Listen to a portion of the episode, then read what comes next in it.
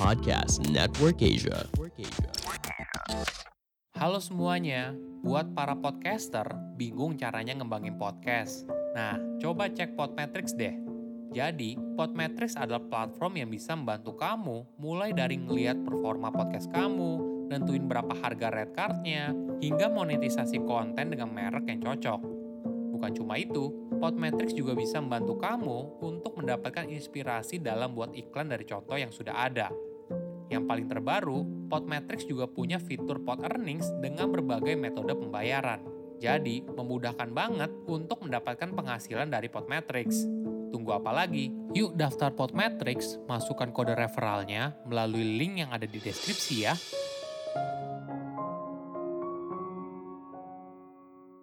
Cancel culture tidak selamanya baik, tapi bisa juga beracun. Halo semuanya, nama saya Michael. Selamat datang di podcast saya, Sikutu Buku. Kali ini saya akan bahas soal fenomena cancel culture yang baru-baru ini dirasakan oleh Kim Sen Ho. Fenomena ini sering kali dialami oleh artis atau figur publik, namun bisa juga dialami oleh orang biasa. Tentu saja, video ini tidak membenarkan apa yang mungkin dilakukan oleh Kim. Namun, saya akan bahas lebih detail apa itu cancel culture, apa bahayanya bila ternyata salah sasaran, dan dampaknya pada kesehatan mental. Sebelum kita mulai, buat kalian yang mau support podcast ini agar terus berkarya, caranya gampang banget. Kalian cukup klik follow.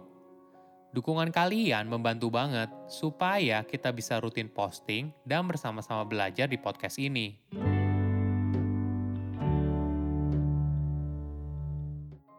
Buat yang belum tahu, Kim Sun Ho sedang tersandung kasus aborsi mantan pacarnya. Kim merupakan artis Korea Selatan yang sedang naik daun berkat aktingnya di drama Korea Hometown Cha-Cha-Cha dan Startup. Skandal ini dinilai berbeda dengan citra yang dibangun oleh Kim sebagai sosok pria yang baik. Seorang perempuan dengan nama samaran A secara anonim mengungkapkan kasus pemaksaan aborsi. Saat itu, A menjalin hubungan dengan Kim sejak awal tahun 2020. Pada bulan Juli 2020, korban mengaku tengah mengandung anak dari Kim. Setelah mengetahui hal tersebut, Kim diduga memaksa A untuk menggugurkan kandungannya. Kim beralasan dirinya harus membayar ganti rugi sebesar 900 juta won atau setara dengan 10,9 miliar rupiah karena melanggar kontrak dengan agensinya. Namun, setelah melakukan aborsi, A baru tahu kalau Kim berbohong soal denda tersebut. A juga mengaku kalau Kim akan menikahinya, namun ternyata tidak. Informasi tersebut langsung menyebar dan netizen menuntut Kim harus memberikan penjelasan. Hingga akhirnya, Kim mengakui kejadian tersebut dan meminta maaf. Dampak dari kejadian itu sangat mempengaruhi karir Kim. Banyak pemilik merek langsung membatalkan kontrak kerjasama dengan Kim, misalnya Domino Pizza, Canon Korea, Food Bucket, dan sebagainya. Mungkin di sisi lain, kita juga melihat Kim sebagai korban dari ekspektasi harapan yang tidak realistis dari para penggemarnya. Mereka berharap Kim sebagai sosok pria baik yang sempurna, namun tentunya Kim merupakan pria biasa yang bisa saja memiliki masa lalu yang buruk. Dalam beberapa tahun terakhir, kita pasti sering melihat fenomena cancel culture. Sebagai informasi, cancel culture adalah sebuah praktik yang sedang populer dengan berusaha mengumpulkan dukungan untuk mengcancel seorang jika dia telah melakukan atau menyatakan sesuatu yang tidak menyenangkan. Dampaknya, karir seorang bisa hancur atau karyanya diboykot publik. Fenomena ini punya pro dan kontranya sendiri. Bagi banyak orang, proses menuntut pertanggungjawaban dan memboikot seseorang dianggap sebagai alat keadilan sosial untuk menghukum tindakan atau ucapannya.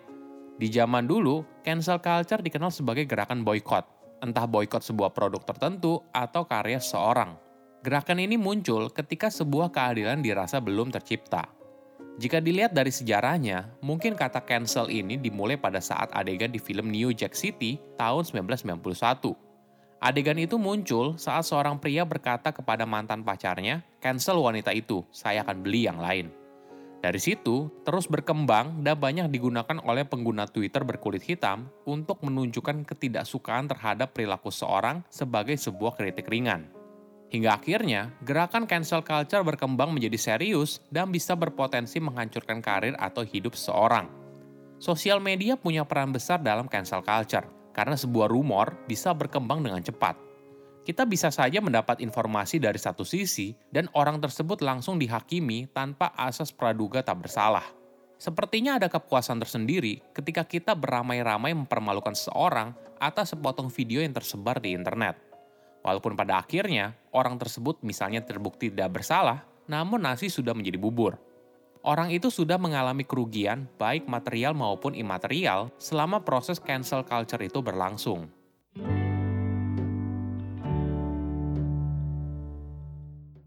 Boleh dibilang, cancel culture sangat efektif untuk melawan tindakan yang dianggap salah, khususnya seksisme dan rasisme. Sebagai contoh, pada tahun 2016, banyak anggota komunitas film memboikot Oscar karena kurangnya keragaman di antara nominasi peraih penghargaan. Dampaknya, Oscar mulai berbenah diri dan menghasilkan perubahan sosial yang nyata. Pada tahun 2019, Oscar mencatat rekor kemenangan terbanyak oleh nominasi kulit hitam. Di era media sosial, seseorang ibaratnya harus berpikir dua kali sebelum berperilaku atau berucap yang bisa menyinggung perasaan orang lain. Cancel culture tidak hanya menyasar public figure, tapi orang biasa pun bisa jadi sasaran ketika seorang merekam kelakuan buruk orang tersebut lalu memviralkannya. Misalnya begini, seorang wanita berkulit putih bernama Amy Cooper menelpon polisi karena dirinya merasa terancam saat seorang pria berkulit hitam memintanya untuk memakaikan tali pada anjingnya sesuai regulasi yang ada di taman. Amy terlihat histeris dan merasa dirinya terancam. Video ini lalu viral dan netizen langsung menghujat Amy karena dianggap rasis. Tidak berhenti sampai di situ, dampak video yang viral itu berlanjut ke dunia nyata. Amy dipaksa harus melepaskan kepemilikan anjingnya, dipecat dari tempat kerjanya, dan dipaksa untuk mengeluarkan permohonan maaf. Ini adalah efek nyata dari cancel culture. Kamu bisa menghancurkan hidup seseorang hanya dari sebuah posting di media sosial. Nah, apa dampak dari cancel culture? Bagi orang yang di-cancel, upaya boykot ini bisa berujung pada bullying. Orang tersebut lalu dihujat habis-habisan dan dikucilkan secara sosial. Kondisi ini bisa membuat seseorang menjadi kesepian. Riset membuktikan kesepian berhubungan erat dengan tingkat kecemasan yang tinggi, depresi, dan tingkat bunuh diri. Hukuman ini tidak memberikan ruang kepada orang tersebut untuk memahami kesalahannya. Ibaratnya, kita telah merampas kesempatan bagi orang tersebut untuk belajar dan tumbuh dari kesalahan. Sedangkan bagi kebanyakan orang, fenomena ini menciptakan ketakutan.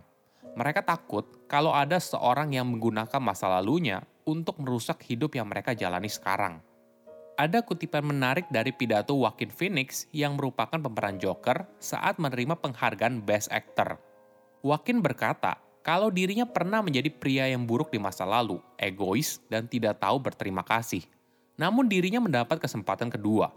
Manusia akan berada pada masa terbaiknya ketika mereka tidak mengucilkan seorang atas kesalahan masa lalunya, tapi membantu orang tersebut untuk tumbuh dan membimbing mereka untuk menebus dosa yang pernah dibuat. Ini adalah pelajaran bagi kita semua. Kalau fenomena ini, walaupun kelihatannya baik, namun ternyata punya dampak yang buruk.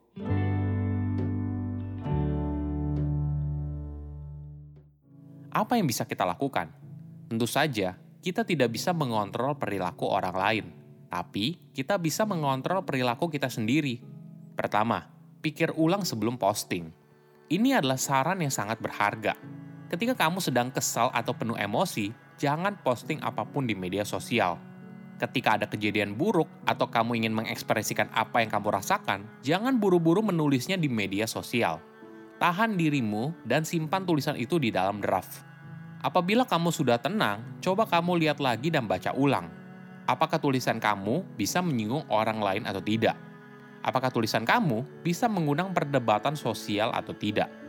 Apa respon orang setelah membaca postinganmu? Pertanyaan ini penting ditanyakan sebelum kamu posting apa pun di media sosial.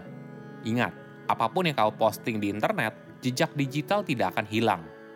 Kedua, kurangi waktu online. Yuk, mulai kurangi waktu di media sosial atau berselancar di internet. Kamu tidak perlu harus tahu gosip atau berita terbaru. Faktanya, mengurangi waktu di media sosial ternyata mampu meningkatkan kesehatan mental seseorang. Ketiga, bicara dengan orang terdekat Ketika kamu menjadi sasaran cancel culture, mungkin seakan-akan semua orang membencimu dan kamu ibaratnya seorang diri. Dukungan orang terdekat bisa sangat berguna dalam menghadapi masa-masa yang sulit. Cancel culture menuntut seseorang untuk bertanggung jawab atas perbuatannya. Namun di sisi lain, fenomena ini merampas hak seseorang untuk belajar dari kesalahannya. Saya undur diri, jangan lupa follow podcast Sikutu Buku. Bye-bye. Pandangan dan opini yang disampaikan oleh kreator podcast, host, dan tamu tidak mencerminkan kebijakan resmi dan bagian dari podcast Network Asia. Setiap konten yang disampaikan mereka di dalam podcast adalah opini mereka sendiri dan tidak bermaksud untuk merugikan agama, grup etnik, perkumpulan, organisasi, perusahaan, perorangan, atau siapa pun dan apa pun.